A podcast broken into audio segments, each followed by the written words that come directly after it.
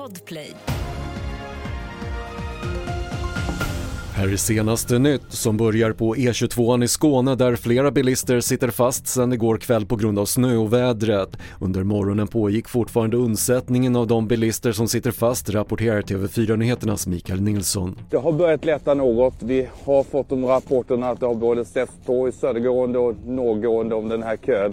Och detta främst på grund av att räddningstjänsten har klippt upp mitträcket så att fordonen har kunnat köra på egen hand. Och de som inte har kunnat köra sina fordon, de har fått hjälp av eh, försvarets och räddningstjänstens bandvagnar.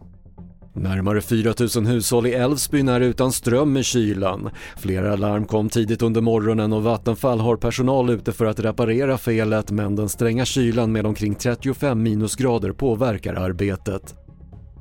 Och cheferna på Londonbörsens 100 största bolag har fram till lunch idag redan tjänat lika mycket som en vanlig brittisk löntagare drar in på hela året, rapporterar BBC. Enligt beräkningar av tankesmedjan High Center har börshöjdarna då tjänat motsvarande drygt 454 000 kronor. Fler nyheter på TV4.se. Jag heter Patrik Lindström.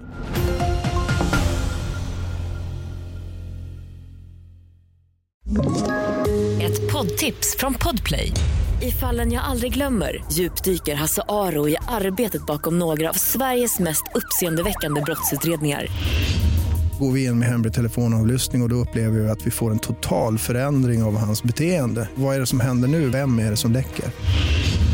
Och så säger han att jag är kriminell, jag har varit kriminell i hela mitt liv men att mörda ett barn, där går min gräns.